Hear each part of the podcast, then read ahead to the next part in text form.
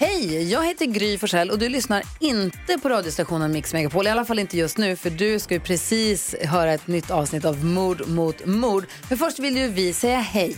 Hej, hej, det här är NyhetsJonas. Det här är Carolina Widerström. Och här är gullige dansken. Ja, och så Gry då. Och det vi vill säga att när du har lyssnat klart på den här podden, då får du gärna lyssna på våran. Vi spelar in ett nytt avsnitt varje morgon av våra podd Kvartsamtal. Och hela radioprogrammet blir ju också en podd om man är väldigt morgontrött eller så. Just det, om man missar morgonen ja. Men mest av allt så får du gärna lyssna på programmet i direktsändning varje morgon på Mix Megapol. Live varje morgon från klockan sex och då har vi med oss massor med vänner också. Thomas Bodström, Babben Larsson, Johan Pettersson, Christian Luuk. Massor med coola människor som bara dyker upp och gör livet bättre. Ja, som jag, gullige dansken. Exakt så. Och så mycket bra musik och annat skoj såklart. Så vi hörs när du vaknar på Mix Megapol. Podplay.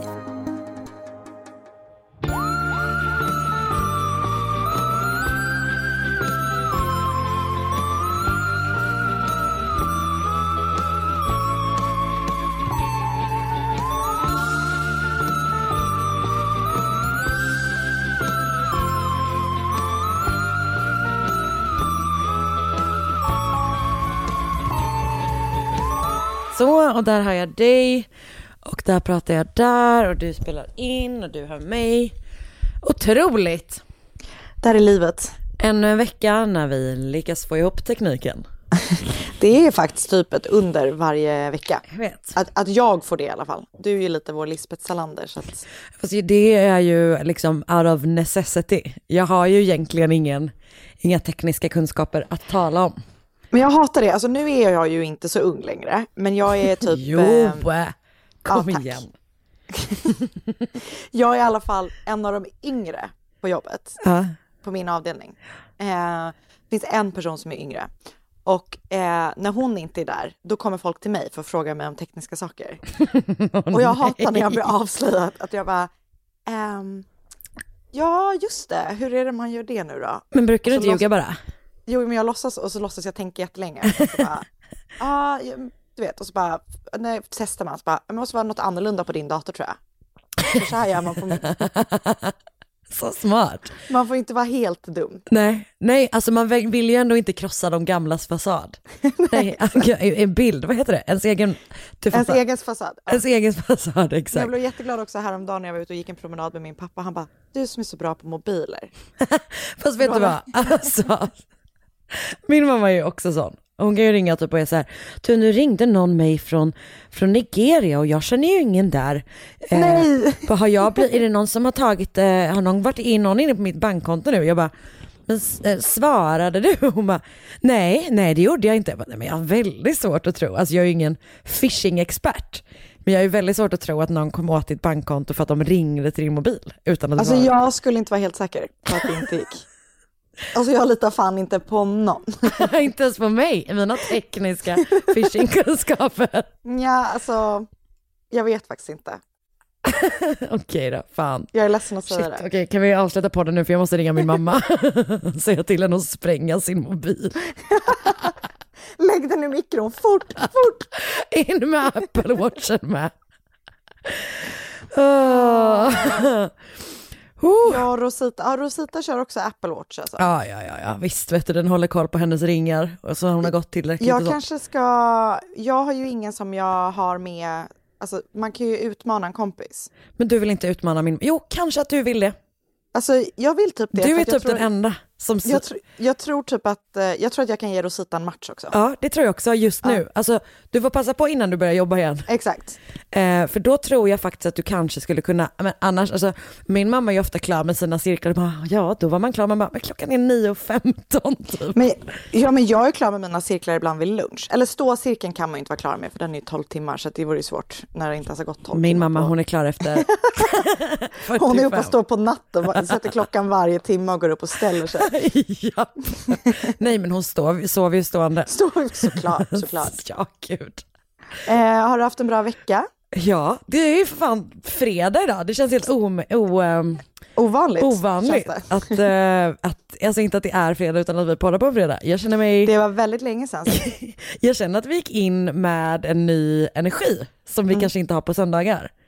Nej, Det, det, Vilket är, och det är så sjukt att man har fredag, alltså jag är ju ledig varje dag nu, eller jag liksom, jobbar ju med att vara mamma Ja. eh, nowadays.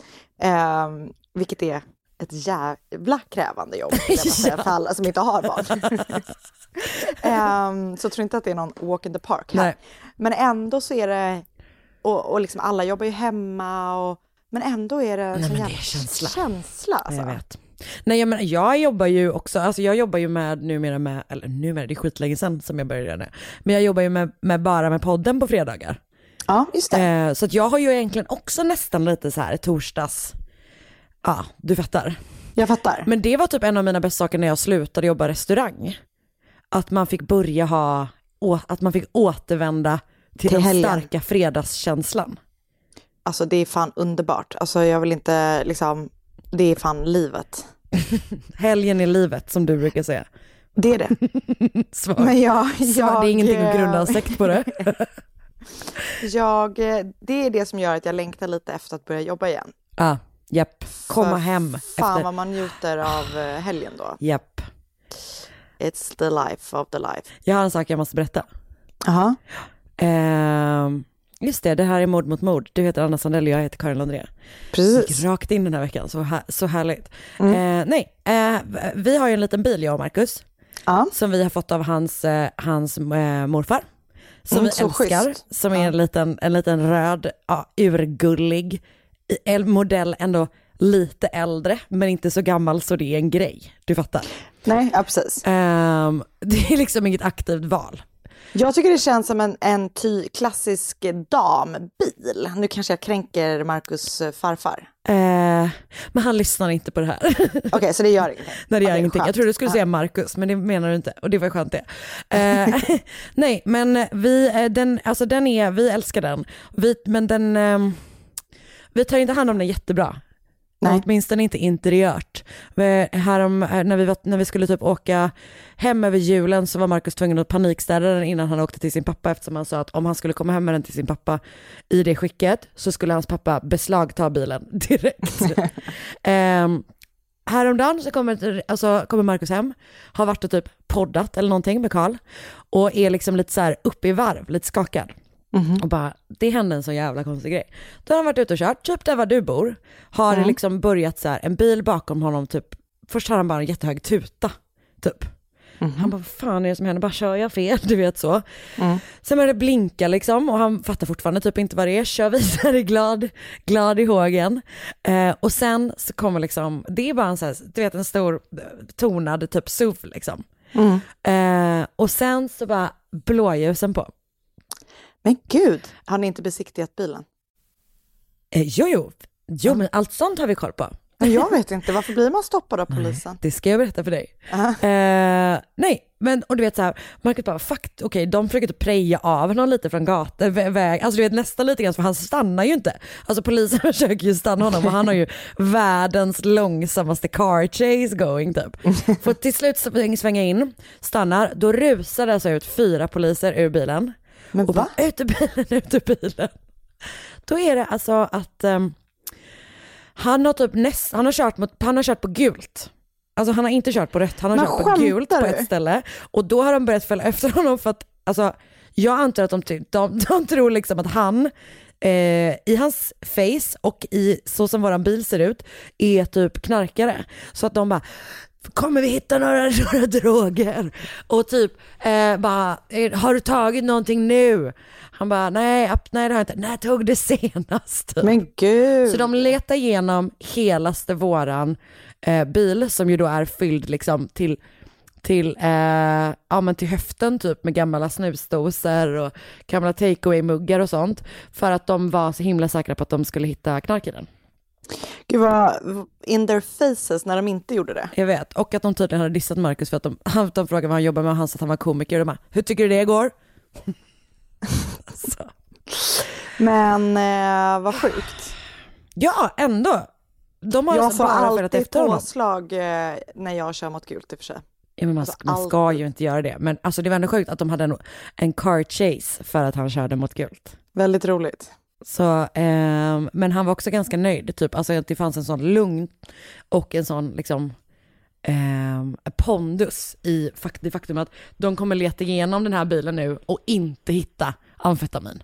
Nej, väldigt skönt att veta det helt eh, tryggt. Jag i min, då, min ångest hade ju blivit så här, det är någon som har planterat i bilen och eh, eh, jag kommer åka fast och sitta i fängelse nu för eh, droginnehav. Hav. Ja, du hade klarat man dig vet aldrig. så dåligt fängelse. Alltså du, jag är faktiskt inte säker på det Karin. Jag tror att jag hade klarat mig ganska bra. Okej, vad hade du gjort då? Alltså, det är, jag tänker mig att det är lite som att vara med, alltså en blandning av Big Brother och eh, Robinson. Anna, för helvete. Nej, men, det är så jag hade tagit det, den approachen hade jag tagit. Det hade varit din inställning var, nu är jag med i 50% Robinson och 50% Big Brother. Ja, Okej. Jag är Vad tar du med dig från varje? Är det den här jag är där för att spela varanen? spelet. du är där för att spela spelet med varanen som du delar cell med. Exakt. Nej, Nej, men jag kan låt ju... oss hoppas att det inte händer. Vi låt oss hoppas att det inte händer, men om det händer, låt oss också hoppas att vi eh, lägger tiden på att eh, kanske utbilda oss, läsa Ja. mycket böcker. Ja, Jag kommer inte vara en sån som biffar upp mig, det ska jag säga ja dig det, direkt. kommer, det kommer jag vara. Det kommer du inte vara. Jo, Men du kommer lära dig att stå upp och sova som min mamma. jag kommer eh, absolut vara en sån som biffar upp mig. Jag har jävligt svårt att se dig hänga i någon sån stålbar och dra dig upp dagarna igen alltså. Har du sett mig på gymmet någon gång? Jag kan nästan göra det, Karin. Alltså jag kan på riktigt nästan göra det. Jag tror Du bara inte att du kommer göra det där. Jag tror inte du Okej, kommer göra det. där- Okej, men då vill jag inte podda idag. Då hörs vi på söndag. Så får vi se vem som har biffat upp sig till på söndag. Och då kan, du, då kan vi se om du vågar säga det igen. Okej? Vänta, hotar du mig med att slå mig? Jag gillar inte, det där känns inte bra alltså. Okej, vänta, vill du att jag ska ljuga för dig? Nej. Det här, men det här får vi ta, det här får vi ta, ta off air. Ah, vänta, det kanske är nu det är dags för oss, ehm, för det som jag drömmer om, att du och jag ska börja i ett parterapi. Gärna. Rel, vad heter det, kompisrelat, rel, terapi? Relativ? Gärna. Hur mysigt? Låt oss göra det bara. Hos din, kan vi gå hos din pappa? det tror jag, Jag ska, kanske jag, inte ska, var bra. jag ska höra, han brukar inte tycka det är en bra idé, men han kanske ändrar sig. Men om vi är, alltså jag menar jag tänker att då är, det, då är jag med också. Sant. som någon slags buffert. Nej vänta, Sant. då blir det som att jag är mellan, Mellan mig och min pappa. ja, och ni behöver inte gå i terapi. Vi behöver inte gå i parterapi. Nej, det är ju du och jag som ska gå i terapi för att vi ska Vi får undvika att ta du en ska slå liten mig. vända kring det här. Åh gud, jag är helt slut redan nu. Ett poddtips från Podplay.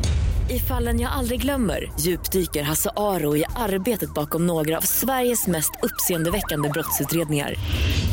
Går vi in med hemlig telefonavlyssning och, och då upplever vi att vi får en total förändring av hans beteende. Vad är det som händer nu? Vem är det som läcker? Och så säger han att jag är kriminell, jag har varit kriminell i hela mitt liv men att mörda ett barn, där går min gräns. Nya säsongen av Fallen jag aldrig glömmer på Podplay.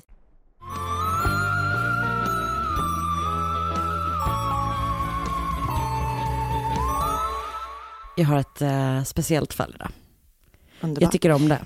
Det slog mig när du sa i morse, eller när du sa när du nu sa det, att, det var, att du hade det. Så tänkte jag, tänk om vi har samma fall, för jag har också ett lite speciellt fall. Men det finns så många speciella. Ja, sant. Det kommer Okej, gå bra. kör. Det kommer gå bra. Vi Ja. testar. Okej. Det är tidigt i september 2001 och Jean Marchand. Japp, jag är tillbaka i Frankrike med mina toppenuttal. Det är roligt att du alltid dras dit. Du kan inte hålla dig borta. Men alltså fransmännen Men jag har... fattar det. Jag älskar Frankrike. Jag vet, men de har också så många konstiga fall. Alltså är Oj, jag glömde de... bort min mikrofon. Jag tror att jag hörde som då. La du bort din mikrofon? Jag tror jag som Så avslappnad nu för den. eh, nej men jag vet inte, det känns som att det finns så många intressanta och konstiga franska fall. Är de Europas australiensare på så sätt? Kanske. Det kanske de är. Okej, i alla fall. Ehm, han befinner sig i det sommarhus som han och hans fru eh, Ghislaine, jag vet inte hur man liksom säger just det på franska. Eh, jag kommer säga Ghislaine, lika gärna. Jag tycker du gör det. Okej, och jag tack. kommer inte säga någonting annat. Bra. Ehm, han är i alla fall i deras sommarhus som de äger tillsammans i byn Montflancan i sydvästra Frankrike. Och bara några dagar tidigare hade parets dotter Guillemette gift sig med sin Sebastian och festen har hållits i Ghislaines slott släktslott, Chateau Martel. Som ligger i samma by då. Så Sean är ensam i, eh, i deras hus nu för att Ghislaine har åkt tillbaka till Paris efter bröllopet. För där jobbar hon som rektor för en flickskola som heter La Femme Secrétaire. Och hon har typ så här, behövt förbereda sig inför skolstarten. Men framåt eftermiddagen den 7 september kommer Ghislaine tillbaka till huset i Montflancan och hon har på sig en cocktailklänning och bär på handskar och en buk- bukett torra blommor. Och innan han hinner säga särskilt mycket så börjar hon skrika eh, på Jean att, han, så här, att hon är svag och att han är ond och liksom så här, som att hon typ har någon slags ramble going som är lite svår att förstå vad hon menar med liksom. Och sen så kastar hon handskarna och de här torkade blommorna på honom och skriker att så här, det här är bevis på att du tillhör ett ondskefullt nätverk. Och sen dyker Gilens bröder upp, Philippe och Charles en Henri. Charles. Ehm, och de säger så här, de bara, du har 30 minuter på dig att packa, sen tänker vi sätta dig på ett tåg till Paris. Till, till mannen. Till mannen, exakt. Så att de eh, slänger då ut sin liksom, svåger när den här tiden är ute och när han kommer hem till hus till Paris, som, de, som han då delar med Ghislaine, eh, så kollar han deras gemensamma konton och inser, det, inser då att de är liksom helt tömda. Okej.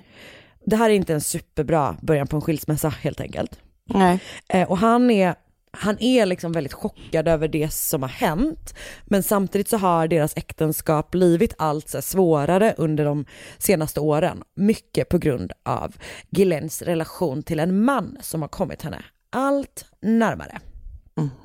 Och när han ett par veckor senare tar sig tillbaka till det här huset i Montflancan för att leta efter ledtrådar så, så här, bekräftas hans tankar om att den här mannen ligger bakom att och hur hans fru ehm, liksom har agerat på det här sättet, varför hon har gjort så här helt enkelt. För i hennes inkorg så finns ett mail som beskriver exakt hur hon så ska gå tillväga när hon avslutar den här relationen. Eh, alltså inklusive typ så här, kasta eh, blommorna på honom, säga att han har 30 minuter på sig att packa, alltså du vet verkligen så här step Men by step vad... typ. Ja. Och avsändaren är eh, Thierry Tilly som börjat som allt i allo på den här skolan, La Femme Secrétaire, men nu två år senare har fått en väldigt mycket större roll, inte bara i Ghislaines liv, utan i hela hennes familj. Okej. Okej, Ghislaine heter de Vedrin i efternamn. Det är alltså en protestantisk så här, ar- ar- ar- aristokratsläkt. De har haft så väldigt hög status i Frankrike sedan typ 1700-talet. De är, det är gamla goa pengar helt enkelt. Och hennes föräldrar heter Jean Marcel och eh, eh, Guillemette, precis som eh, hennes dotter då, de Vedrin. Och tillsammans får de fyra barn. Äldst är Anne, sen kommer Philippe, sen Ghislaine och sist då Charles Henry. Eh, 1994 så dör pappan Jean Marcel. 97 går också äldsta dottern Anne bort. Och efter det, så, jag vet inte riktigt vad som händer med henne. Han tror jag dör av, av liksom ålder helt enkelt. Eh, men efter att Anne går bort så eh, drar sig hennes man och liksom deras barn undan från familjen. Men resten av Devedrin-familjen är så väldigt, väldigt nära varandra. De umgås jättemycket och i centrum för familjen finns alltså då Chateau Martel som är ett 800 kvadratmeter stort slott i Montflancan som har varit i familjens ägo sedan 1732. Gud, jag vill se bild. Jag älskar sådana ställen. Alltså det är faktiskt ett toppen, Det verkar det är toppen, toppen ja. slott. Så Det vill man ju gärna bo. Ja, nej jag vet, rakt av. Um, Okej, En dag, Karin. en dag ska du och jag köpa ett slott. Tror du Det det? var underbart. Jag tror inte det. Ja. Men vi kanske kan köpa en vingård ihop. Ja, ja. Det, det kan vi ändå göra. Bra. Okej, bra. Då säger vi så. Mm. Eh, I den här familjen då så har vi äldsta sonen Filip. Han är strax över 60 år där i så slutet av eh, 90, början av 2000-talet. Och chef på ehm, Shell. Alltså, ja. Själv. Shell. Det lät som att du, han är chef på Shell och Company. ja, men man säger alltid Shell, men det, det, det heter, man säger väl, vad är det det heter? Det, det heter Shell Shell, och inte Shell. Shell. Jävligt svårt alltså. Japp. Skäll är det du ska ge mig nästa helg.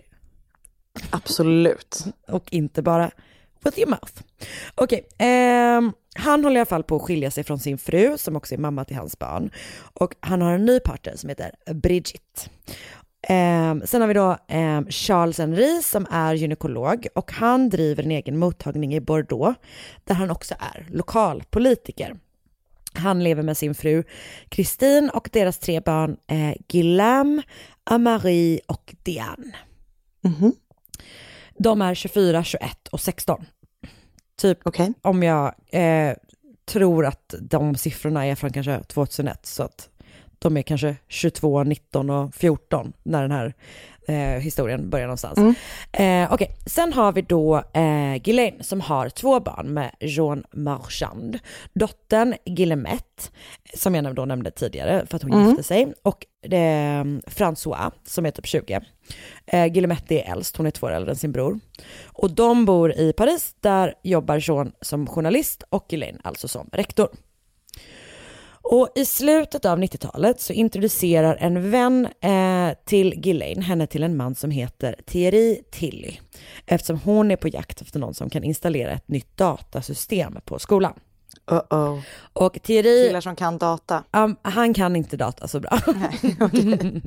han är så här, born and bred, ehm, ehm, han är born and bred parisare.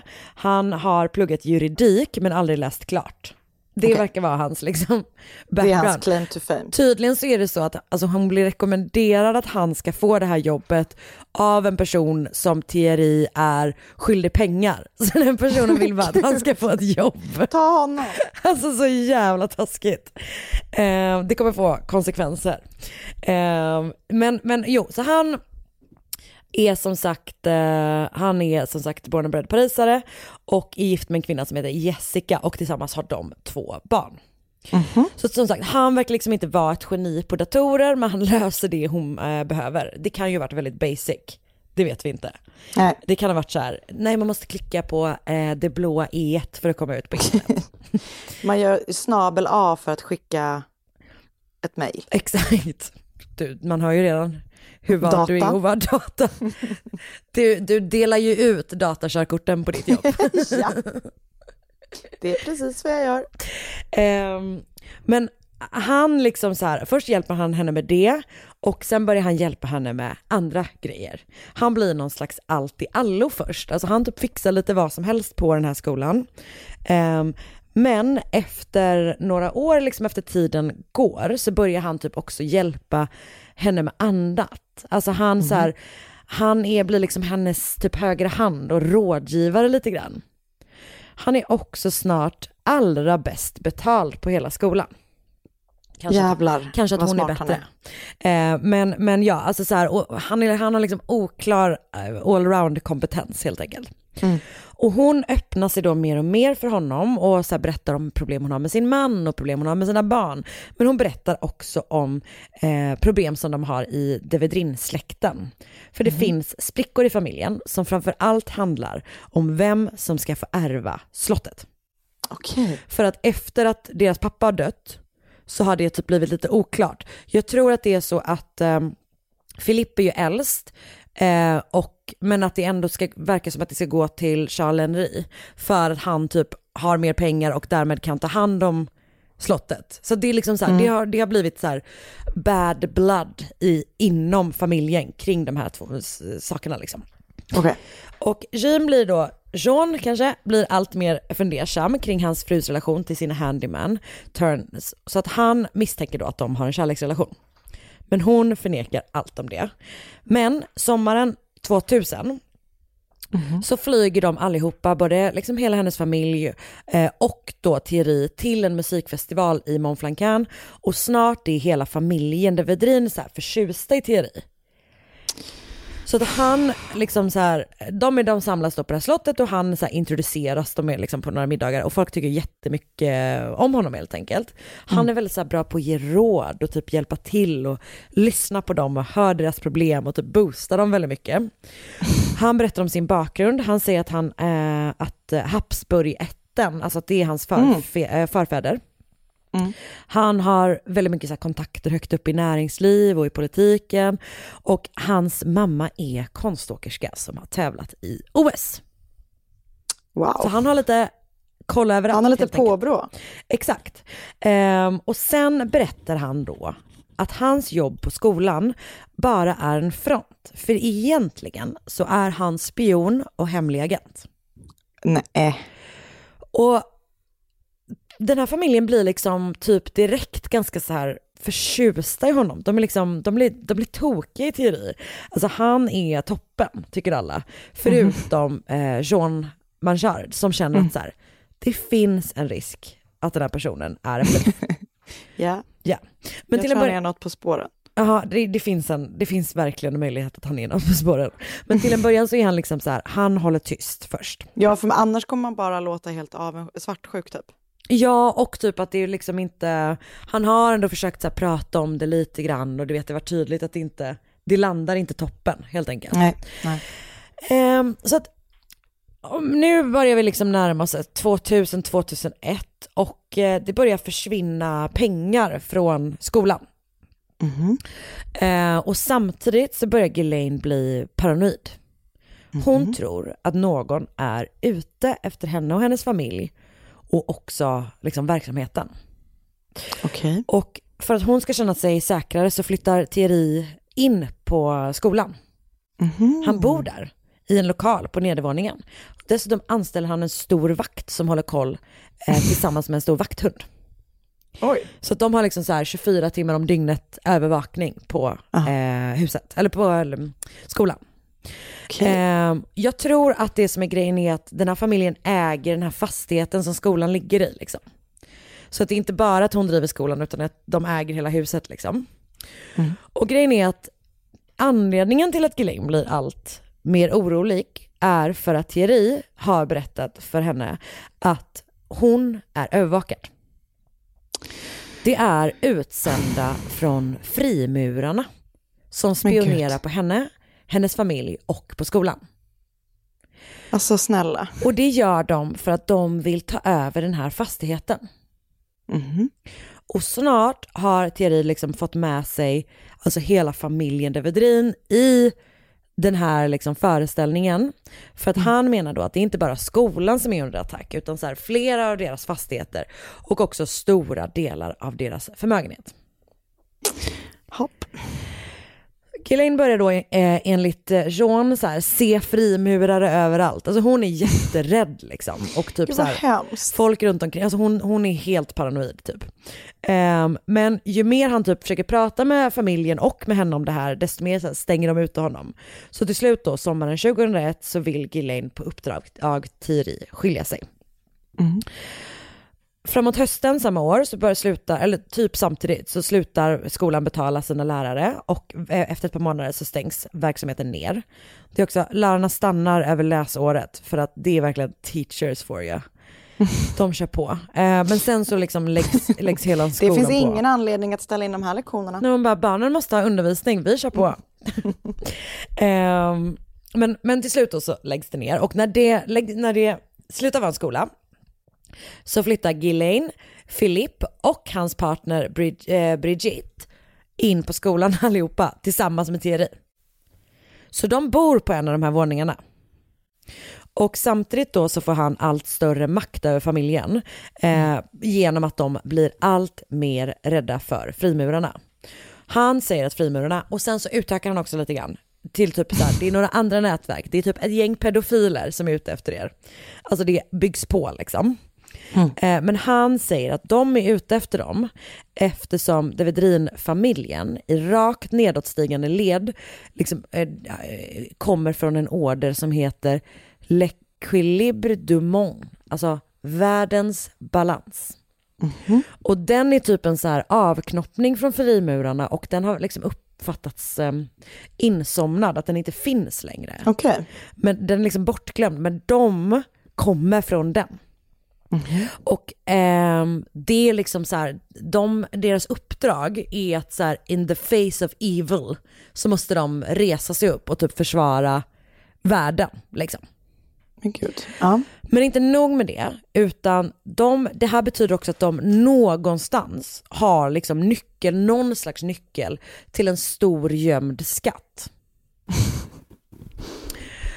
Och allt det här är ju mycket att ta in.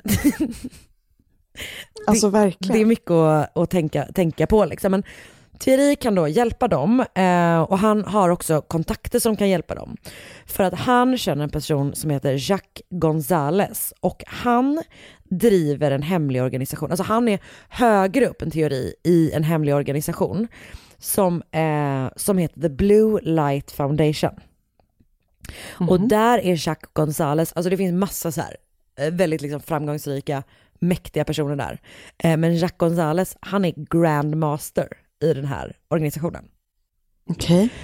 Och det handlar ju väldigt mycket om att säga, okej, men vi måste liksom eh, se till att, att de här frimurarna då inte kommer åt era tillgångar, inte kommer åt era fastigheter och sådär.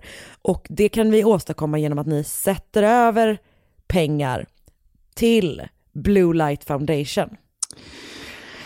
Men alltså jag orkar inte. Ja. Så att de börjar då liksom slussa över sina pengar till eh, det här kontot. Eller till de här, det är flera konton som är kopplade då till den här verksamheten som Jacques Gonzales har. Och redan tidigt, typ så här 2001-2002, så upptäcker myndigheterna konstiga transaktioner från familjens konton för att Philips exfru, du kommer ihåg att han var, låg i en skilsmässa men hade typ en, ny, en ny tjej. Eh, hon börjar misstänka så här, fan han kommer typ ta våra gemensamma tillgångar, eller du vet jag kommer inte kunna få så mycket som jag förtjänar ur våran skilsmässa. Eh, så att hon typ kontaktar polisen och de utreder transaktioner så pass tidigt liksom, efter bara något år och märker att det är så här, det går konstiga, det är konstiga transak- transaktioner helt enkelt. Eh, och som jag förstår det så kommer typ den här skilsmässan också förhindra att hans eh, konton, alltså att han kan inte typ göra så mycket med sina pengar. För att de är liksom låsta under den här processen Ja, på något, på något Okej. vänster. Liksom. Eh, så han är den enda i familjen som inte sätter över jätte, jättestora summor, typ alla, till Blue Light Foundation.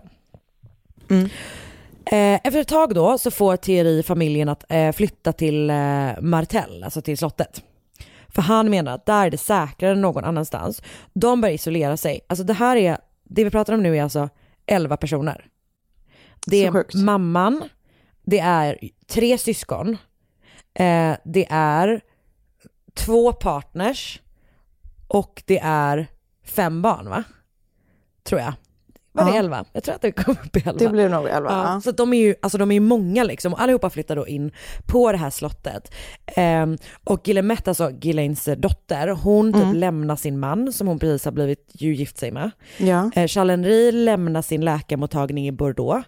Han och Kristina säljer av sina fastigheter, de tar med sig barnen, flyttar, alltså du vet så här. Gud. alla flyttar in där och där börjar de leva som, alltså helt isolerade och blir allt mer paranoida. Och du vet de stänger in, verkligen in sig i det här slottet och folk så här, grannarna börjar ju liksom märka att det är något konstigt. Det är så här nedsläckt och liksom fördraget hela tiden. Eh, de har dessutom tagit bort alla klockor och typ alla almanackor och sånt så de tappar liksom grepp om Men tid gud. och rum typ. 2003 så slutar de betala skatt och till slut säljer Kronofogden av alla möbler i slottet. Aha. Då flyttar de in till en annan fastighet som tillhör Filip. Ehm, och du vet deras gamla kompisar och sånt försöker, få, försöker ju få tag i dem såklart. Liksom. Och bland annat så har Kristina en, eller Kristina en kompis som, som eh, du vet ringer henne typ under ett år och bara är så här, jag ska ta tag på den här personen. Och, och hon, det går inte, men när hon till slut svarar så är hon så här, det här är typ family business, jag vill inte prata om det. Det är farligt liksom. Och typ, så att de, de stänger ute alla som inte är den här mannen och familjen helt enkelt. Men gud. Och eh, en intressant grej med det här är att Thierry, han bor sedan 2005, eller från 2005, heltid i England. Jaha. Men han har redan åren innan typ, du vet, delat sin tid mellan eh, Frankrike och England. Och jag tror att han har gjort det här, eller så här för att han har haft problem med de franska myndigheterna. Så han har bland annat haft liksom någon slags näringsförbud för att han uppenbarligen hållit på med skit även tidigare. Liksom. Eh, så att han styr den här familjen, för att man, man tänker ju så här, om man ska ha en sekt så är det ju en viktig aspekt är ju att man är där hela tiden. För att kontrollera att de liksom inte hittar på något annat. Men, men han kommunicerar eh, liksom med uppemot en 40 telefonsamtal, mail och fax varje dag. Shit. Och det som händer är ju också att så här, eftersom det är, alltså så fort någon börjar, någon i familjen typ uttrycker någonting, alltså något tvek, någon tveksamhet eller någon fundersamhet, då så eh, blir de ju liksom shut down av resten av familjen. Så att det är som att de vaktar varandra liksom. Någon slags jävla angivarsamhälle fast Ja. typ i, eh, i en familj. Ehm, han börjar efter ett tag flytta över familjemedlemmar till Oxford där han bor. Va? Och han säger att det är då för deras säkerhet. Så först flyttar Charles Henry och Kristins son eh, Guillaume. Sen kommer hans föräldrar och sen hans syskon och sen Ghislaines son François och resten, eh, Philippe, Brigitte, Ghislaine och Guillemette, alltså ehm, mamman, äldsta liksom. Eh, de är kvar i Frankrike i några år, men sen flyttar också, nej vänta, Båda Guillemette är kvar, kvar i Frankrike först, men sen så flyttar Ghislaine och hennes dotter till Oxford också. Okej. Mm. Och när de är i Oxford så börjar alla jobba på helt vanliga jobb. Du vet, de så säljer glass typ, jobbar i en affär, typ, jobbar med lite med bygg och med lite gräv och så här. Och alla pengar går då direkt till Thierry. Och det Alltså, det har är så konstigt. Ja, så de har liksom gått från, alltså på kanske typ så fyra, fem år, gått från att vara så aristokrater på ett franskt slott till att jobba i snabb, på snabbmatsrestaurang. Och de får inte ens några pengar från, från sina jobb. Alltså det är så konstigt. Det är så jävla jävla konstigt. Och nu kommer det bli ännu konstigare. I'm sorry. Eh, 2007 så bestämmer sig Thierry för att Kristin är nyckeln till den här hemliga skatten. Också, det här är 2007. Alltså, det har gått Det, så det känns jävla lång tid. När du säger så igen, att det är 2007, då känns det som att, för det känns typ som att det är en 1800-tals eh, berättelse. ja, det är det verkligen. Alltså förstår du vad jag menar? Ja. Det känns som att det, kan inte hända i modern tid. Nej men alltså jag, för jag satt innan typ och kollade på bilder på den här familjen. Alltså det är liksom så här, man bara hur, hur, hur blev det så här liksom? Det är verkligen omöjligt nästan att förstå. Eh, och det kommer då bli ännu konstigare för att Thierry bestämmer då att för att Kristin, hon är liksom, she holds the key. Hon är den utvalda. Hon eh, är nyckeln till den här hemliga skatten som de ska kunna hitta. Han baserar det på att hennes, alltså maiden name, flick, alltså vad heter det, heter det flicknamn? Nej.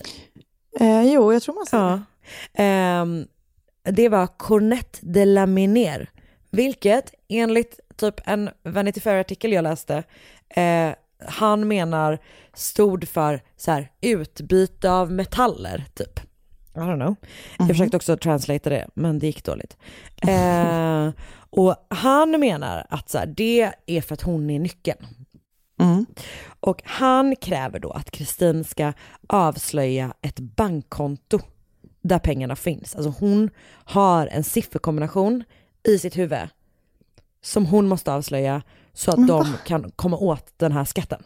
Aha. Problemet är ju att Kristin minns inget kontonummer eftersom det inte finns något. Ehm, men man börjar liksom typ kidnappa och tortera henne och hålla henne instängd. För att hon då ska avslöja koden. Och man har liksom henne instängd då i liksom helt nedsläckta rum, hon vet inte om det är dag eller natt. Och hon får eh, inte sova, hon får knappt äta, hon tillbringar hela dagarna, da, dagarna och nätterna sittandes på en pall. Och hon blir typ vaktad av sina familjemedlemmar, bland annat sin man. Eh, så Gud, du vet, så fort hon är på väg att typ somna så, ehm, så liksom blir hon väckt typ.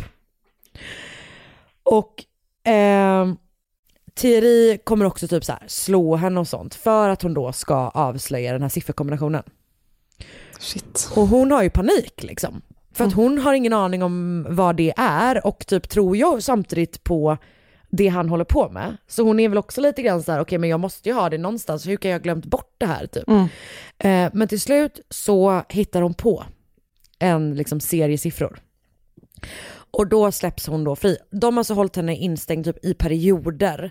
Eh, Varför gjorde hon inte det redan från början? Det hade jag gjort direkt. Typ. Men jag tror att hon, alltså hon tror ju på det här. Hon vill ju komma Ja. ihåg liksom, eller själv tänker jag. Eh, för att hon är ju nyckeln och det är ju liksom någon slags ära också du vet. Ehm, men det här har alltså pågått alltså, löpande 2006, 2007 och 2008. Men gud. Eh, hennes advokat kommer senare påstå, eller kommer senare säga att hon har varit frihetsberövad under totalt sex månader.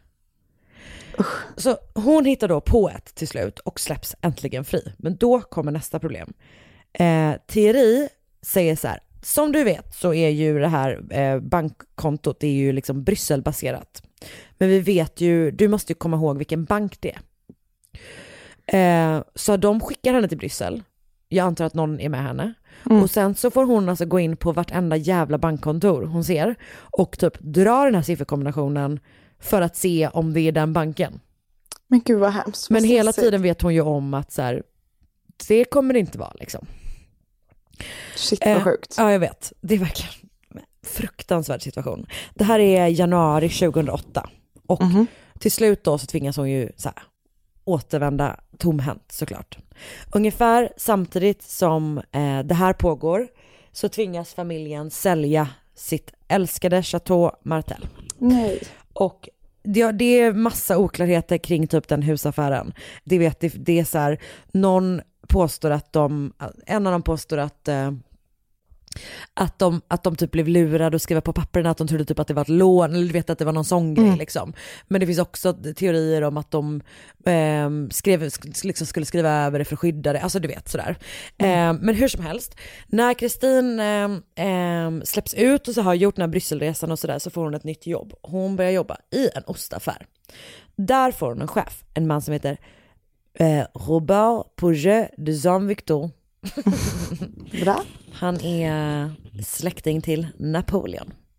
Wow. Kanske. Eh, men han är i alla fall, han märker att något är fel med henne. Mm. Och börjar liksom så här nysta i vad hennes situation är. För han tycker att något känns väldigt, väldigt konstigt. Och du vet så här, hon kanske liksom haltar någon gång och han får liksom inget riktigt svar kring vad, hur hon har skadats. Alltså det är mycket sånt liksom. Eh, och han får reda på mer och mer för han frågar och frågar. Han får höra om Thierry Tilly men eh, hon är så här, ah, han är helt otrolig typ och pratar om honom som en så himla upplyst och eh, upplyft person typ. Eh, medans eh, han när han träffar Thierry är typ så här, den här killen är uppenbarligen typ en skojare liksom. Eh, så att men Kristin avslöjar liksom mer och mer och till slut så berättar hon då om att hon i perioder har varit instängd, inlåst av sina egen familjemedlemmar. Och då bestämmer de att hon i hemlighet måste fly från Oxford. Okej. Så att Ro- eh, Robert tar då kontakt med en gammal vän. Du kommer ihåg den här personen som aldrig slutade ringa henne? Mm. Han tar kontakt med henne i Frankrike och är så här, du måste komma hit och ta med dig henne hem. Så hon åker till England, den här kvinnan, och hämtar upp eh, Kristin och tar med sig henne därifrån utan att någon i familjen vet om det. Wow.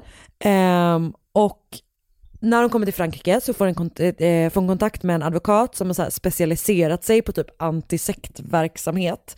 Ehm, och som jag tror har haft kontakt med eh, Jean innan, alltså Mm. Ghislaines exman. Eh, men typ att de inte haft tillräckligt mycket att gå på för att han inte längre är gift med Ghislaine typ. Eh, och tillsammans går, går de då till polisen och hon berättar hela sin historia. Wow. Och efter det så börjar den här advokaten försöka så få kontakt med övriga familjemedlemmar och några av dem är så glada att typ lämna Oxford. Men det är långt ifrån alla som är så öppna för det. Utan flera av dem har så himla himla stark, starkt band och förtroende för eh, Thierry liksom. Alltså det är så intressant hur det kan bli sådär. Ja, jag vet, det är verkligen, Alltså en främling som bara Galet. trollbinder en hel släkt Ah. Ja ja, nej, alltså han är också, alltså man tänker ju att det ska vara, ja eller så här, jag har, jag har inte sett honom prata, jag har bara sett bilder på honom. Jag har så himla svårt att se honom som en sån, du vet superkarismatisk, förtrollande man liksom. Mm. Eh, och det här är så här, intelligenta vanliga människor som, så här, eh, som hade liksom full koll på lägen, läget i sina liv innan den här personen kom och gjorde totalt kaos i tio års tid. Alltså det är så jävla lång tid med. Ja, det är helt sjukt. Och du vet, de, här, de stannar till och med kvar efter att Thierry själv grips. För han åker till Schweiz, det, vet inte, det, han lämnas inte ut från England, men han, eh, han åker till Schweiz och de har typ buggat hans telefon eller någonting så att de får reda på det och griper honom då. Men även efter det så liksom är flera av dem kvar. Så att den här advokaten sätter typ ihop ett så här team, du vet så avprogrammeringsteam typ, med så psykologer och, och lite olika personer som åker dit och pratar med dem på plats liksom för att få med sig dem därifrån. Ehm, och till slut så följer samtliga familjemedlemmar med till Frankrike. Men om jag inte minns fel så tror jag att det är så att vissa av dem fortfarande försvarar honom alltså i förhör med polisen. Liksom. Shit.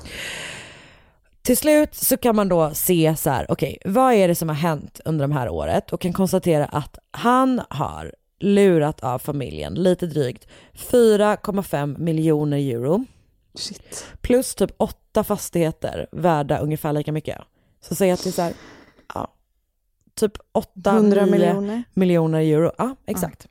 Vad sjukt mycket pengar. Och de här pengarna, alltså de är spårlöst försvunna från hans konto. Vad glad man ska vara ändå att man inte har så mycket pengar. Verkligen. Nej, men det är väldigt bra. bli lurad. Väldigt bra att vi inte har ett slott. Verkligen. utan bara en vingård. Eh, Nej men, men eh, det som har hänt då är att så här, de har också, alltså han har också flyttat pengarna vidare. Så när han grips, det är inte så att de bara, ah men gött typ, då kan vi liksom eh, plocka tillbaka. dem härifrån. Utan han döms till ett skadestånd som inte var jättemycket, utan kanske typ så här, eller mycket pengar men inte jämförelsevis liksom. Utan kanske typ så här 100 000 euro totalt eller någonting. Eh, men det mesta av pengarna är liksom, är och kommer för alltid att förbli spårlöst försvunna. Shit. I september 2012, så att det är ganska, det här, alltså tänk dig vara typ polisen när hon kommer in, Kristin, och bara, jo men jag har en liten historia typ. Det känns, det är liksom ett nystande helt enkelt. Och ganska många, eller ganska många, men, men en del personer menar att den här, alltså för han börjar kallas för typ gurun och man pratar väldigt snabbt om så sekter och, och du vet sådär. Men, men en del personer som har träffat på familjen menar att så här, det som egentligen från början drog in dem i det här var att eh, alltså Thierry erbjöd dem snabba sätt att tjäna pengar. Eh, snarare än typ något annat liksom. Att de, att de menar att så här, de är fortfarande rakt av offer såklart, men att det inte är så enkelt som, som Nej. man kanske tror. Ehm, men hur som helst, han ställs då inför rätta och eh, han ställs för rätta för, han anklagas för, åtalas för bedrägeri, här kommer två stycken härliga benämningar. Utnytt, som jag direkt översatt, ops. Utnyttjande av svaghet. Våld mot sårbara. två, två bra. Två bra starka eh, åtal. Ja, Absolut. exakt. Och även då olaga frihetsberövande. Och tio av de elva familjemedlemmar som varit utsatta för honom är med i rätten, alla förutom Guillemette den äldre som har dött av ålder 2010. Thierry fortsätter alltså att prata om sin bakgrund, alltså det här med Habsburg ätten, om typ eh, sin mamma konståkerskan, allting sånt liksom. Han håller fast vid det rakt igenom hela rätten. Han pratar om läskiga nätverk och frimurare, så att han är liksom han, Galen. Ja, fast han döms inte till, alltså han anses liksom tillräknelig. Eh, men typ Ja, han, jag, menade inte, jag menade inte psykiskt sjuk, jag menar, jag menar liksom galen. Ja, han- fast det känns ju också ja. som att han skulle kunna vara psykiskt sjuk liksom. Eh, Jag tycker, han, jag, jag tycker det känns som en klassisk eh, skitstövel. Skitsnackare. Ja. Ja. Ja. Alltså han fick ändå skitmycket pengar för det här.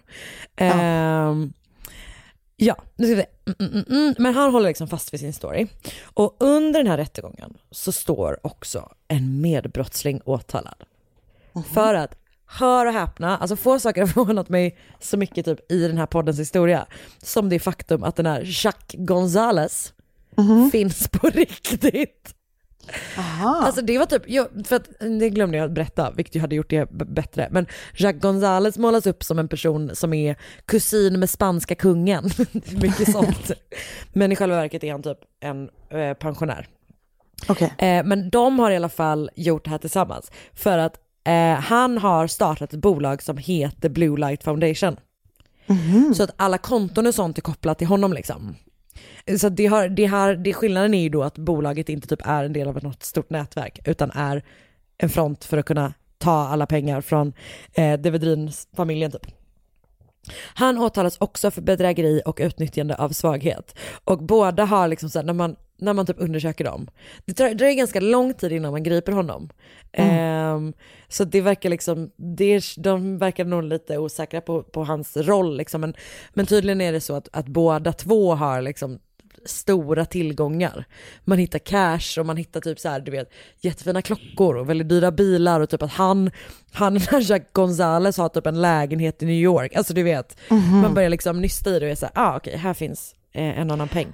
Vilket Men alltså, är- det låter helt sjukt att de inte får betala tillbaka mer till familjen om de Ja, har så mycket de måste- tillgångar. Ja, Så, verkligen. Okej. Det är någonting som inte stämmer här. jo, det stämmer. Du har rätt. Nej men jag håller helt med dig, för då är det ju bara att sälja av saker och så får de ge mer pengar. Men eh, det verkar de inte ha gjort för att den här familjen är utfattig liksom. Vad hemskt. Eh, ja jag vet, det är verkligen, verkligen sorgligt. Och nu ska vi se. Mm, mm, mm, mm. Jag ska bara göra klart det här stycket om det här så kan vi prata om vad som händer med familjen Davidin efteråt. Um, han döms, båda två döms. Eh, Thierry Tilly döms till 10 års fängelse men släpps 2017 och åtminstone till 2018 så är han placerad på ett sjukhus. Så han anses ju uppenbarligen antingen vara, alltså han anses väl vara sjuk helt enkelt. Eh, Psykiskt sjuk efter att han har suttit av sin dom.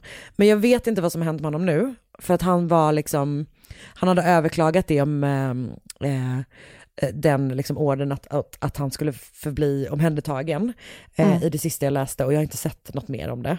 Och Jack Gonzales döms till fyra års fängelse. Så att jag räknar med att han är ute nu och jag vet inte vart han är. Men gud. Och familjen Devedrin har då försökt få tillbaka Chateau Martel. Och det har inte gått. Det är typ de senaste uppdateringarna om det här fallet, är att de är i sådana jävla rättsprocesser om det här slottet. För att eh, det har sålts en gång till typ. Så att de Nej. lyckades typ så häva första eh, köpet men inte andra, vilket ju inte är så konstigt. Eller du vet sådär.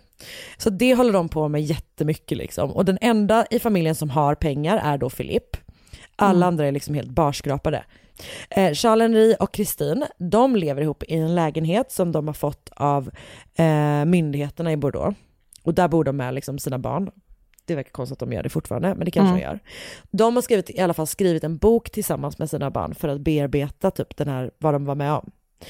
Och Ghislaine och John gifte om sig redan 2010. Jaha. Och han säger att hon är precis likadan som hon var innan. Man bara, det har gått tio år under vilken hon har varit med i en sekt typ. Ja. Men han säger att hon är, hon är liksom densamma. Så att jag antar att hon har nog också, för han hade ju pengar uppenbarligen, så att hon har nog en bättre ekonomisk situation. Men, men Jean-Henri och Kristin har det liksom jätte, jättetufft typ. Gud vad hemskt. Och i en Vanity Fair-artikel med rubriken Aristocrats and Demons så beskriver Jean, eh, Jean Manjon det så här. Thierry Tilly was a sort of brain burglar. He opened their heads, took out their brains and put in a new one. Gud vad läskigt. Så jag då läst den artikeln, det är en long read eh, från eh, Vanity Fair som är väldigt bra, skriven av Michael Joseph Gross, en annan från Sydney Morning, Morning Herald med rubriken For us it was a guru accident av Christopher Jones. Huffington Post har skrivit, har en artikel med rubriken The Leonardo da Vinci of mental manipulation. Oj. Eh, verkligen, stora ord. Stolt han ska vara av den. Ja, verkligen. Ehm, och det var precis vad hans grandiosa självbild behövde. Exakt. Och den är skriven av Romeo Vitelli och sen så har jag läst, hur säger man väst på franska?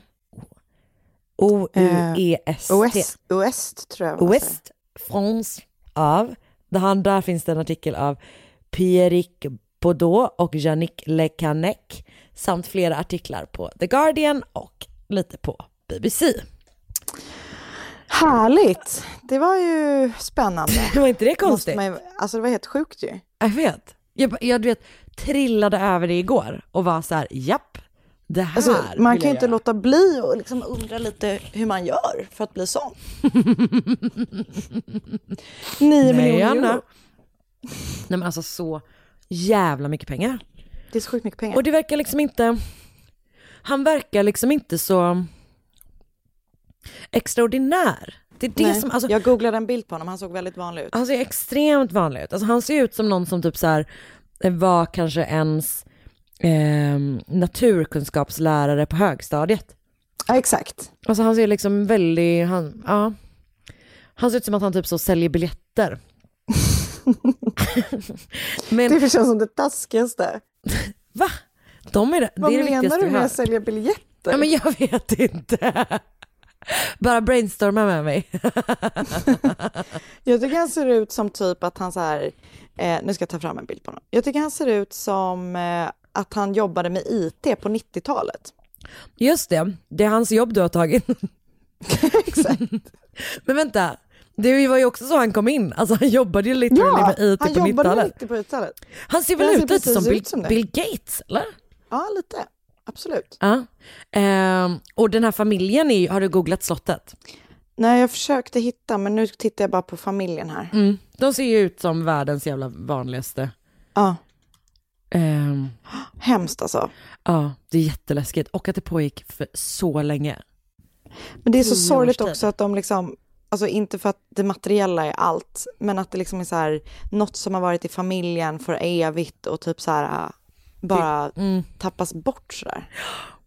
Det, var, det är ett citat från den personen som köpte, som köpte huset först i den här Vanity Fair eh, artikeln. Vänta, jag ska hitta det.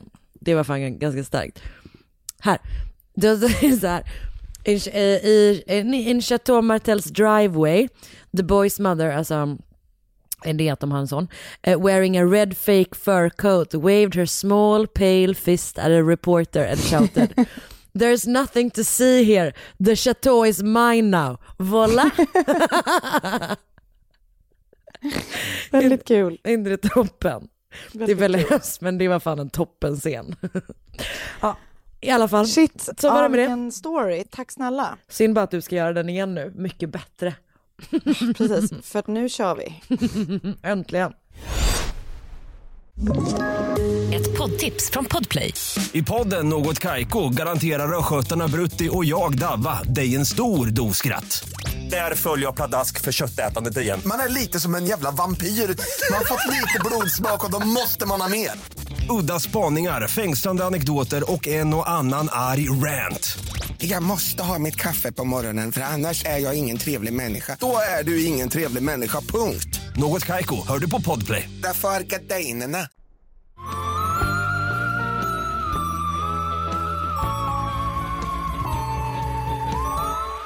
Ehm, nej, men mitt är um, kanske lite sorgligare än ditt skulle jag Mm. ändå säga. Men okej, så att, eh, om jag var i Skandinaviens Australien förra veckan kommer jag bege mig till Oceaniens Norge den här veckan, nämligen Australien. Gud, du, du verkligen kämpar på med dina övergångar. Alltså verkligen.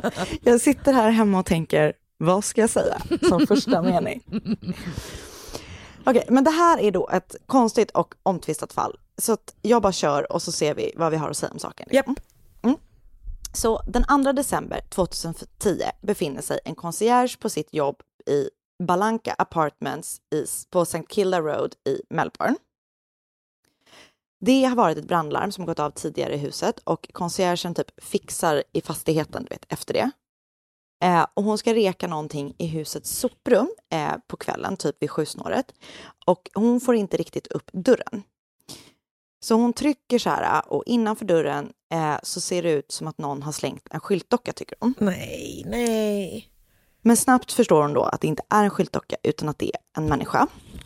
Eh, så hon rusar ut ur soprummet och ringer sin chef som då efter ett tag, alltså hon får väl panik och bara tänker inte på att hon ska ringa Nej. polis och ambulans. Sånt där. Så chefen ringer eh, larmcentralen och så småningom kommer polis och sjukpersonal till fastigheten och soprummet.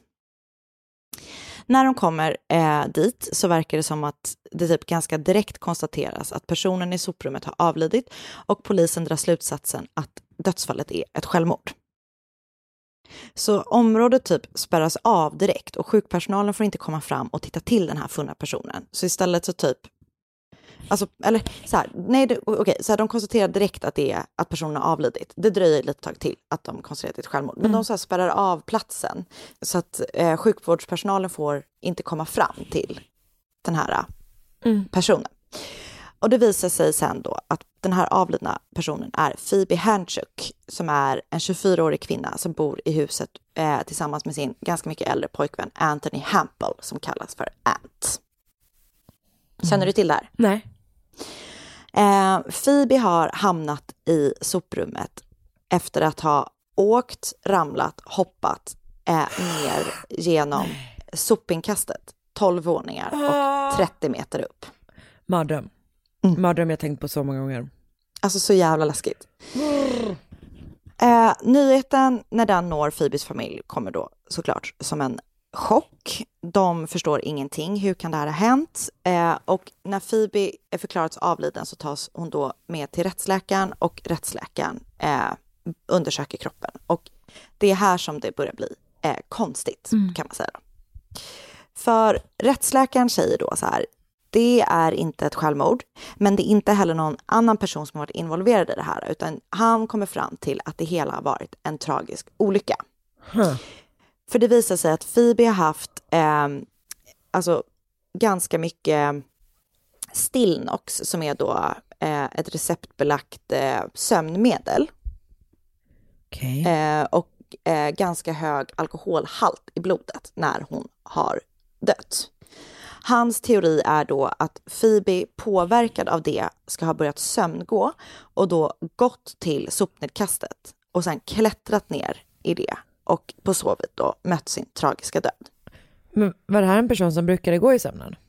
Nej, men tydligen, jag läste i en Reddit-tråd att den här kombinationen av Stilnox och eh, alkohol, eh, det är något aktivt ämne som jag inte kommer ihåg vad det heter nu, men det, men det är ganska känt som Okej. så.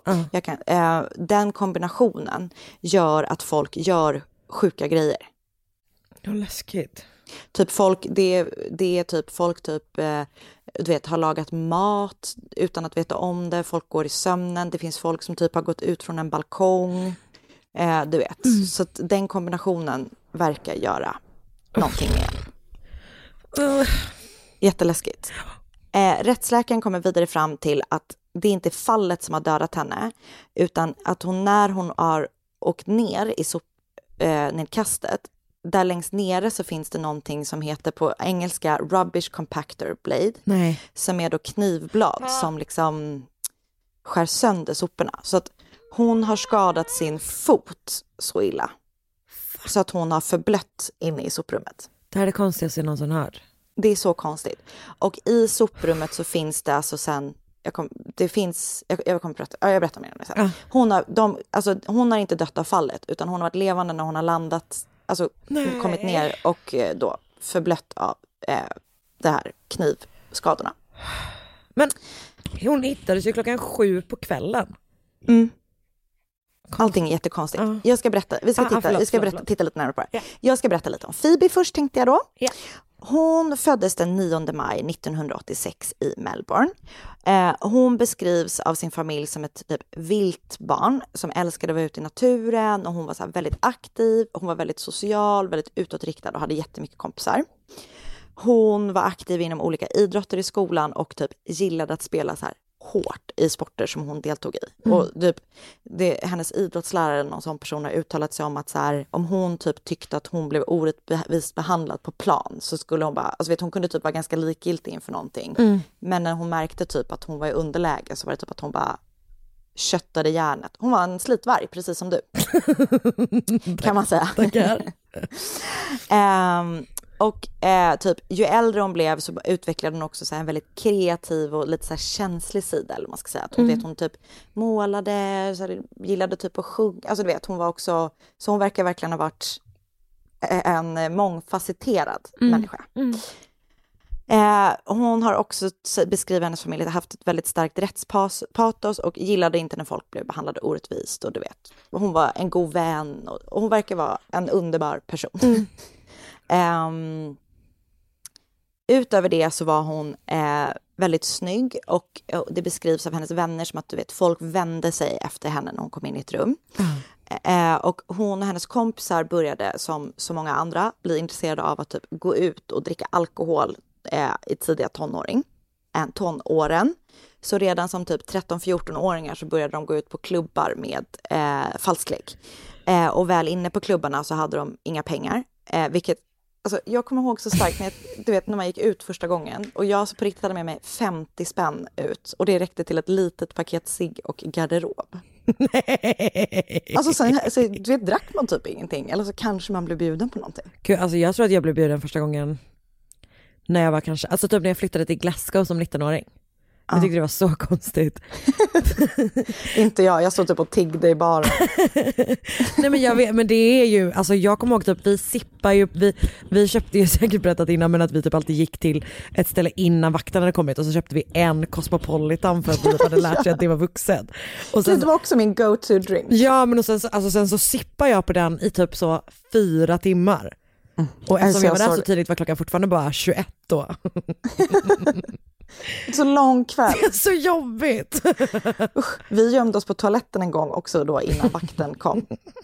Och en gång hade vi bokat, alltså det här är så jävla pinsamt, vi hade alltså bokat bord på en ganska så här känd klubb som låg på Stureplan. Alltså vi Ah. gick i nian. Va? Ja, vi alltså hade bokat drinkbord på en klubb på Stureplan. Och när vi... nian? Det är så helt sjukt. Jag var så 14 år. Funkade det? Nej, vi kom inte in. Nej. Men kom någon pinsamt. in till bordet? Nej, ingen. Men, nej, ingen. Men då gick vi till ett ställe som låg på Norrlandsgatan som heter Window, där jag och Sanna hade kommit in flera gånger. Ah. Och då, då delade vi upp oss. Men Ah. det, då var det också tråkigt, för jag och två andra tjejer kom in och sen kom de resten inte in. Men ni hade heller inget drinkbord? Nej, men vi beställde just varsin Cosmopolitan. Oh, så classy. Vet du vad, jag har aldrig haft ett drinkbord. Nej. Kan vi någon gång? Alltså vet du, vet du att när corona är över, Ah. då ska vi fan ha konferens och sen ska vi ha drinkbord på, på FO i Stockholm. Så jävla Alltså, vi. Vi ska bara dricka champagne, Karin. Men vänta, jag trodde typ att man drack, alltså att man på drinkbord så var man, alltså att det hörde till att dricka sådana dåliga typ Red Bull vodka mixar. Alltså det beror ju på var man går, tänker jag. För Men, det, har ehm, jag, det här har jag nämligen aldrig förstått. Eh, varför man liksom, man går ut och sen så får man ändå dricka sådana äckliga hemmagroggar. Ja, jag vet. Nej, men för precis. Eh, jag, jag, jag har varit delaktig i några drinkbord i mina dagar. Eh, och det som är äckligt också, typ, man brukar få så här, i Frankrike eh, så brukar man få... Du har levt sånt liv! Nej men där, du kommer ihåg så här, man beställer in, du vet, en 150 liters vodka och sen får man 150 liter. 150 milliliter. Ja. Centiliter. Hur ska jag ha det? Var det mycket eller var det lite? Eh, en sån 150 Ja, fy fan vad centiliter. Och så får man då så en kanna med äppeljuice, en kanna, eller du vet så här, Red Bull. Ja, det är jävligt äckligt Ja, faktiskt. det är faktiskt extremt äckligt. Okej, tillbaka. Men full back, blir man. Ehm, Back to the story. Blä. Blä. Okej. Alltså förlåt men bara äppeljuice.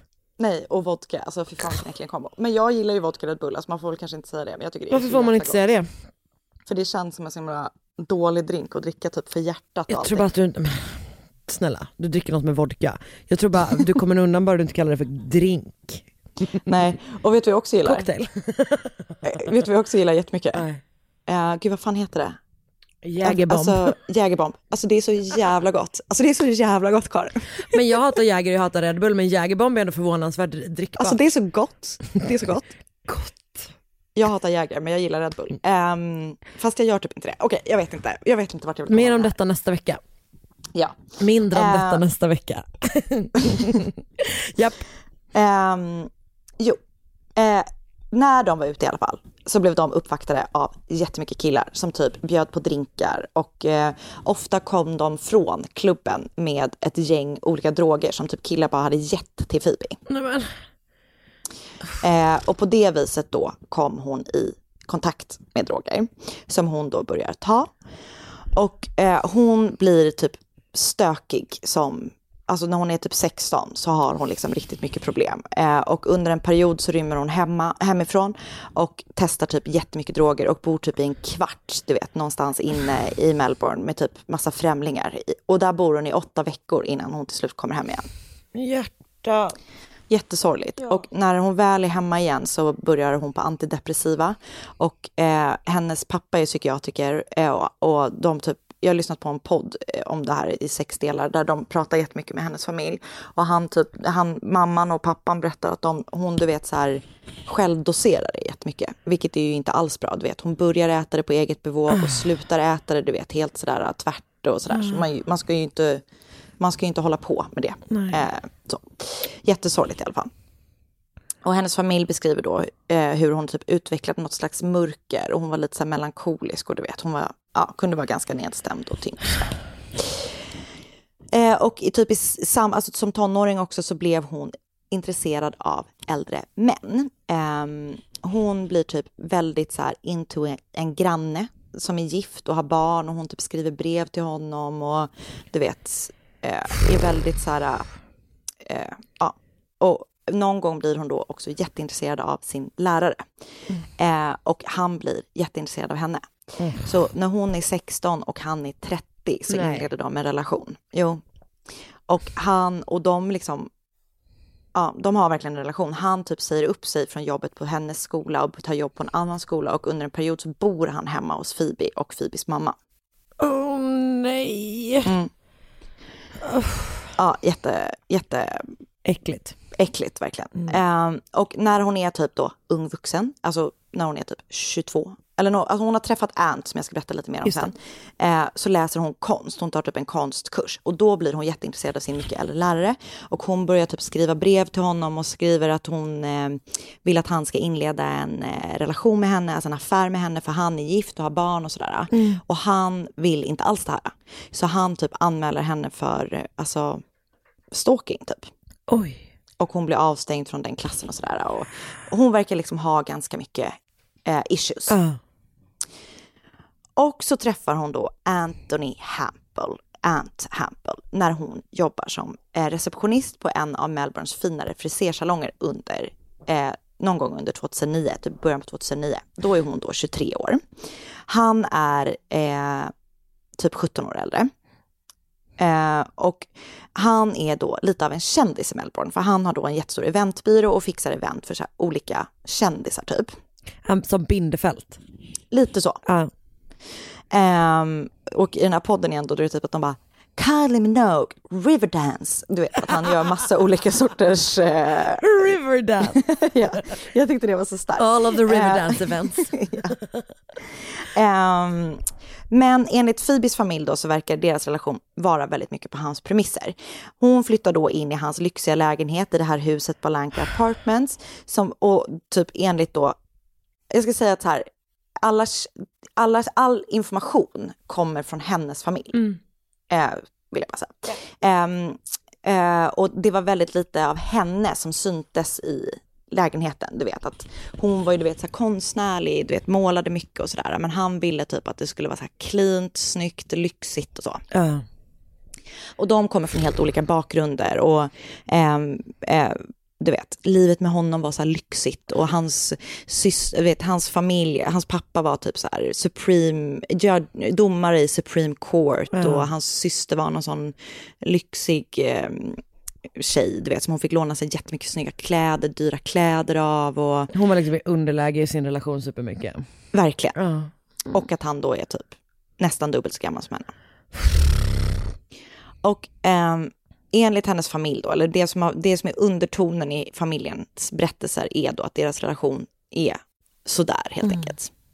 Eh, och hennes mamma, alternativt mormor, för de hade så lika röster när jag hörde dem, eh, eh, berättar då att bara kort innan eh, Phoebe går bort, alltså under, sex veckor innan hon går bort, under de sex veckorna så hinner hon lämna och gå tillbaka till honom fyra gånger.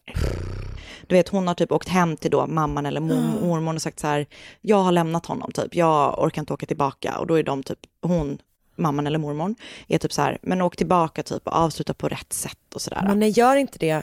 Nej. Bara get out. Verkligen. Jag vill ge Men- henne en kram nu. Ja, det är, jätte, jätte, det är verkligen så himla himla sorgligt. Och typ Ehm, också så här så relaterbart och så många man känner. Alltså så här. Ja, verkligen. Usch. Så under sex veckor då så gör de slut och blir ihop under fyra, fyra gånger typ. Ehm, precis. Ehm, och sen så händer då den här chockartade olyckan den 2 december 2010. Och vi vet inte så mycket om vad som hände den här dagen. Så det som vi vet är att Ant har berättat att han gick till jobbet klockan åtta på morgonen. Och då tittade han in i sovrummet och då låg Phoebe och sov med hennes hund. Och enligt Ant så hade hon varit väldigt full dagen innan. Så att han var typ så, hon låg och typ sov ruset av sig. Eh, det finns en film, en övervakningsfilm från henne någonstans, när hon går ut med hunden någon gång vid 11 på förmiddagen. Eh, sen finns det också då ett foto från någon övervakning när hon är på väg in i huset igen vid 11.50. Sen vet man inte vad hon har gjort resten av dagen eh, innan hon då gick sitt tragiska öde till mötes. Men någon gång mellan 12 och 19 har då det här inträffats. För hon hittas ju då 19. Ant berättar att han har kommit tillbaka till lägenheten runt 18 och då har lägenheten varit tom. Men då har han sett hennes handväska, hennes nycklar och plånbok på köksbänken. Han har sett att det är trasigt glas på golvet och sen har han sett att det är blod på hennes dator, typ på musplattan. Okej. Han berättar då att han har typ blivit lite orolig, men han typ tänker att hon ska komma tillbaka snart. Eh, han har då beställt hem thaimat och när leveransen med maten kommer så berättar leverantören, eller ut, den personen som kör ut maten, att polisen är nere i lobbyn. Och då går Ant ner för att se eh, vad som har hänt och då får han reda på det. Han kommer senare typ, alltså han blir, han blir typ jättechockad såklart och han vill typ inte se kroppen och du vet någonting sånt där. Eh, och Phoebe, men Phoebes familj då, och rättsläkaren säger att det här är en olycka, de är helt övertygade om att det inte är en olycka. Eh, de är också helt övertygade om att det inte är självmord. Eh, för de är då ett, säkra på att hon inte skulle göra det. Att de tror inte alls att hon är självmordsbenägen, vilket jag tänker, det, det vet man ju egentligen inte Nej. om någon är. Men, ehm, och några av hennes nära vänner är typ så här, hon, är superklaus, hon var superklaustrofobisk, hon skulle typ aldrig Nej. göra det där självmant. Ehm, och någon av hennes kompisar, typ så här, hon var alldeles för poetisk för att avsluta sitt liv på det sättet som hon gjorde. Alltså man vet ju ingenting, men det här är vad hennes familj och vänner säger i Mm. alla fall. Så de är så här, de bara, det, det kan inte vara så att hon har gjort det självmant Det och det kan inte vara en olycka. Alltså det är för orimligt tycker de. Det är ju ett väldigt märkligt sätt att Ja. göra den typen av grej på. Om Ja. inte annat liksom. Absolut. Ehm, åh, gud. Och Phoebes morfar, Lorne Handchuck, är pensionerad polis. Japp. Han bestämmer sig för att ta saken i egna händer, för han tycker då att polisen gör ett väldigt bristfälligt jobb. Så redan bara dagar efter att hon har gått bort så skrider då han till verket. För det första han reagerar på eh, och blir upprörd över är polisens agerande när de kommer till platsen som Phoebe har avlidit på. För liksom, i vanliga fall som polis eller sjukvårdspersonal så är det första man säkerställer typ så här, lever hon? Finns det någon chans att hon kan överleva? Men de har inte gjort någonting med kroppen, utan de har bara direkt bara så här, okej, hon är död, typ. Så att han är typ så här, hade det kunnat finnas, funnits en chans att hon, de hade kunnat rädda henne, typ. För i soprummet så är det också så blodspår på typ en dörr och typ en soptunna, så hon har liksom tagit sig runt i rummet innan hon har avlidit. Jättehemskt. Sen kom ju polisen väldigt snabbt fram till då att det var ett självmord slash olycka. Så de gör ingenting för att säkra eventuella bevis från huset och lägenheten där hon har bott. De bryr sig till exempel inte om att säkerställa övervakningsfilmerna från huset som bara finns då i två dagar, för du vet det är sådana band som så spelar över sig själva efter två dygn. Ah. Så de har inte tittat på dem ens eh, för att liksom, du vet, se någonting. Eller se om det finns någonting. Utan de har bara struntat i det. De har heller då inte säkrat lägenheten utan Ant och hans familj fick röra sig helt fritt där. Eh, alltså samma kväll. Direkt efter Phoebe hade gått bort så fick de gå upp då i lägenheten. Och det fanns ju då både blodspår och krossat glas i lägenheten. Men man har ju ingen aning om vad det var för blod eller glas. För, att, För det hade de typ städat bort eller? ja, det fanns inte. De, ja. Gud vad frustrerande. Mm. Och vidare tycker de då att hela det här förlopp, alltså det är konstigt hur hela förloppet har varit, hur hon då ska ha tagit sig ner i sopkastet om hon då har gjort det självmant. För sopnedkastet är då en dryg meter upp från golvet och det är ett jättelitet hål. Eh, själva nedgången, alltså själva liksom hålet, är inte större än en laptop. Jag, jag tror att det var 37 gånger 22 centimeter stort. Oj. Så det är jättelitet och det är typ som en lucka du vet som man öppnar, typ som man öppnar en diskmaskin. Okej, så liksom neråt så. Exakt. Ja. Ehm, eh, Så att det är liksom ingenting man bara hoppar i. Hon har också kommit ner i sopka- sopnedkastet med fötterna först. Så hon måste alltså ha klättrat ner med fötterna först. Så Lorne blir nyfiken på om det ens är fysiskt möjligt. Och hon ska ju då också ha varit jättepåverkad. Och så, då, äh, teorin är ju då att hon ska ha varit påverkad, alltså att hon typ har gjort det i sömnen. Ja. Och typ full och har tagit läkemedel. Exakt. Så att han vill bara så här, är det ens fysiskt möjligt att komma ner i det här hålet? Så han tar med sig två av Phoebes vänner som är ungefär fysiskt byggda så som hon var. Och så testar de eh, om de kan ta sig ner i nedkastet. Så det, alltså det, finns, det finns film från det här. Och de alltså, du vet, har sele på sig och klättrar ner. Och eh, det är sjukt svårt. Eh, en av tjejerna klarar det inte och den andra klarar det alltså verkligen med nöd och näppe. Så de är typ av så här, det är inte troligt att en person som är påverkad av Stilnox och alkohol liksom bara tar sig ner i det här hålet. Shit alltså. En annan konstig sak med sopnedkastet är att det finns inte några fingeravtryck där. Det finns inte från Phoebe eller från någon annan. Och det kan ju såklart vara då att någon har städat där efter hennes bortgång. Alltså bara att en städare har städat där. För de säkrade ju ingenting. Ehm, men det kan ju också ha varit så att någon har städat för att typ göra sig av med ett eventuellt bevis. Typ. Det här är... Eh, ja, det är så läskigt. Ah, jag känner mig så frustrerad. Ja, det, och det är så frustrerande. Ja. Och Lorne tar sig också hjälp av han som är tillverkare av det sopsystem som de har i huset. Neil Bone. Lorne, jag älskar Lorne. Ja, han är så gullig. Eh, och han tycker det verkar konstigt då hur hela förloppet där nere vid den här garbage compression knivarna har varit. För han eh, tänker då att eh, om hon ska då ha kommit ut ur själva, alltså ut från själva kastet ner i rummet, så tro, tycker han då att det inte verkar så troligt att den har varit på den här automatiska inställningen som knivarna är. Så han är typ så här, jag tycker det verkar troligt att någon har, du vet, ändrat inställningen från automatisk till manuell och sen ändrat tillbaka till automatisk, för annars skulle hon typ inte ha kommit ut så som hon har gjort. Ah, jag fattar, då hade hon typ fastnat där liksom. Ja. Polisen har då inte gjort något av det här som Lorna har gjort, alltså pratat med den här Neil eller testat det här. Så de har liksom bara fattat, alltså vet de har direkt bara stängt och bara det här har inte hänt. Lorne tycker också att det är konstigt att polisen inte tog hennes dator och gick igenom vad som fanns i den efter att hon hade gått bort. Så när de väl kollade datorn, alltså typ ett halvår efter att hon hade gått bort, så är alla hennes e-mail raderade. I hennes ficka så hittas, alltså när hon eh, går bort, eller när hon hittas, hittas en lapp med telefonnummer och telefonnumret är eh, registrerat på i ett falskt namn. Okej. Och det kollar de inte heller upp.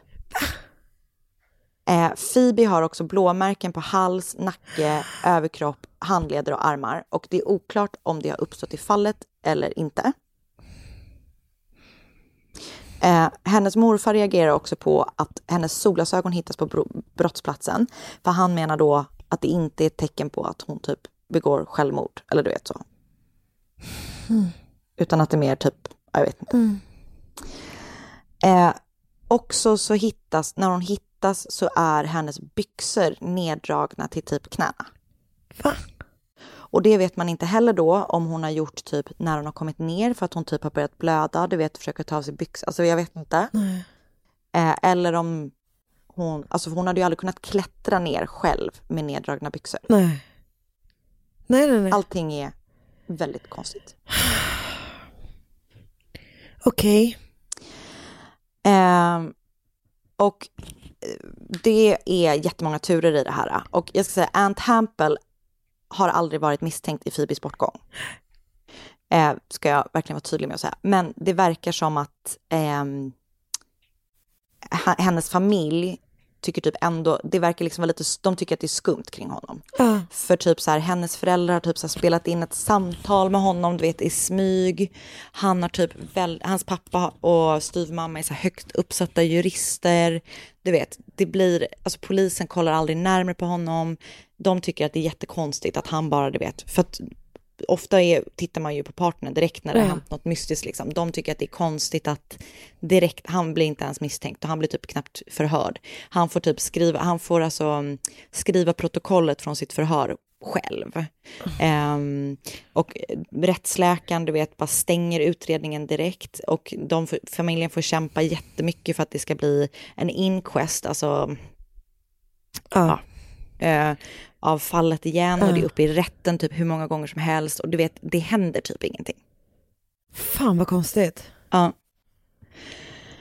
Um, Ant ska ha uttryckt tidigt, tidigare, alltså innan hennes bortgång, ha utnytt, uttryckt oro för hennes drickande och an, hennes användande av droger och han ska, han då säger att det är det monstret som då till slut fick makten över Phoebe. Även hennes mamma eh, har också pratat mycket om att typ så här, hon drack för mycket och hon, och hon var typ för känslig eller vad man ska säga för att hantera det som det gör med en psyke. Alltså du vet att, Ja. att hon, det som, den ångesten som typ alkohol framkallar i en ku- kunde hon typ inte hantera.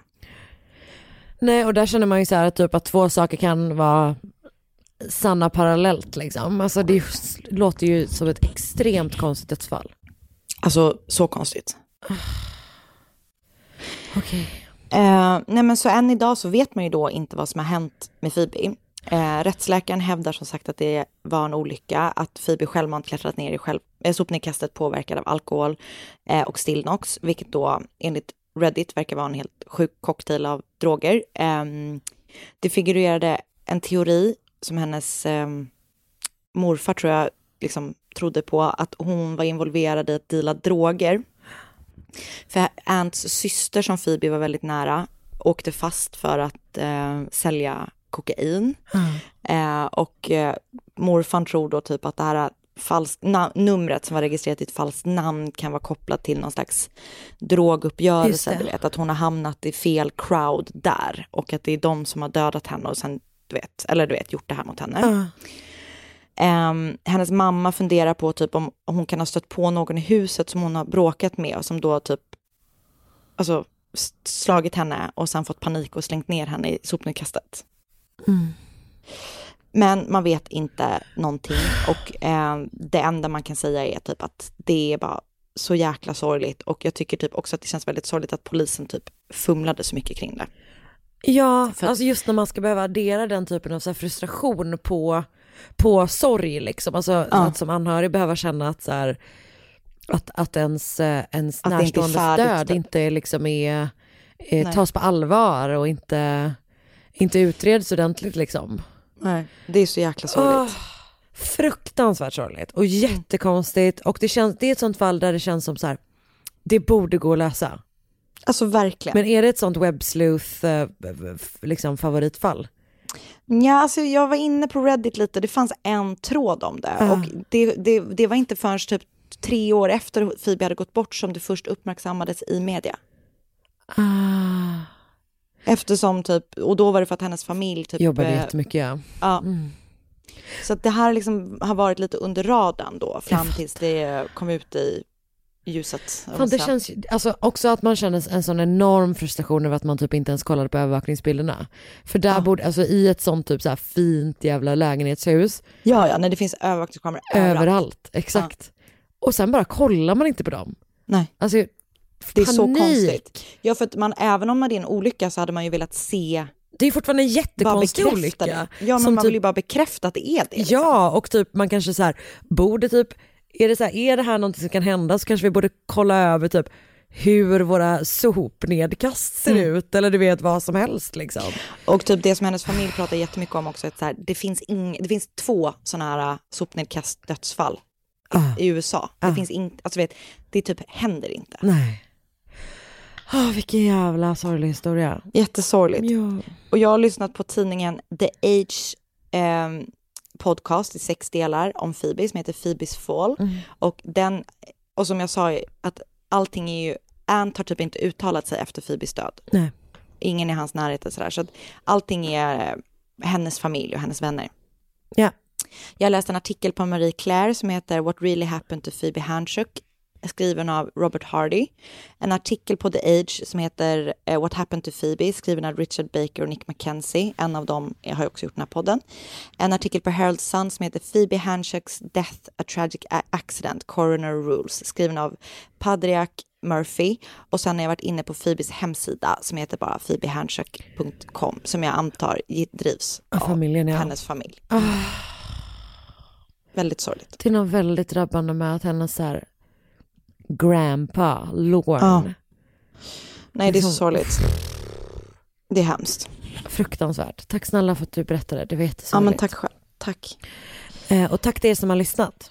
Som vanligt, ni är underbara. Tack för det. Eh, och nu ska jag äta godis till middag. Jag ska beställa hem pizza. Så gott. Vi lever Vi lever livet. Verkligen. Um, um, Facebookgruppen Mord åt mord podcast om man vill gå med där. Önska fall på Instagram, att Anna och att Karin Londre. Eh, vill du säga något mer? Nej, Nej. det vill jag inte. Okej, hej då! Puss puss! Ett poddtips från Podplay. I fallen jag aldrig glömmer djupdyker Hasse Aro i arbetet bakom några av Sveriges mest uppseendeväckande brottsutredningar. Går vi in med hemlig telefonavlyssning och, och då upplever vi att vi får en total förändring av hans beteende. Vad är det som händer nu? Vem är det som läcker? Och så säger han att jag är kriminell, jag har varit kriminell i hela mitt liv men att mörda ett barn, där går min gräns. Nya säsongen av Fallen jag aldrig glömmer på Podplay.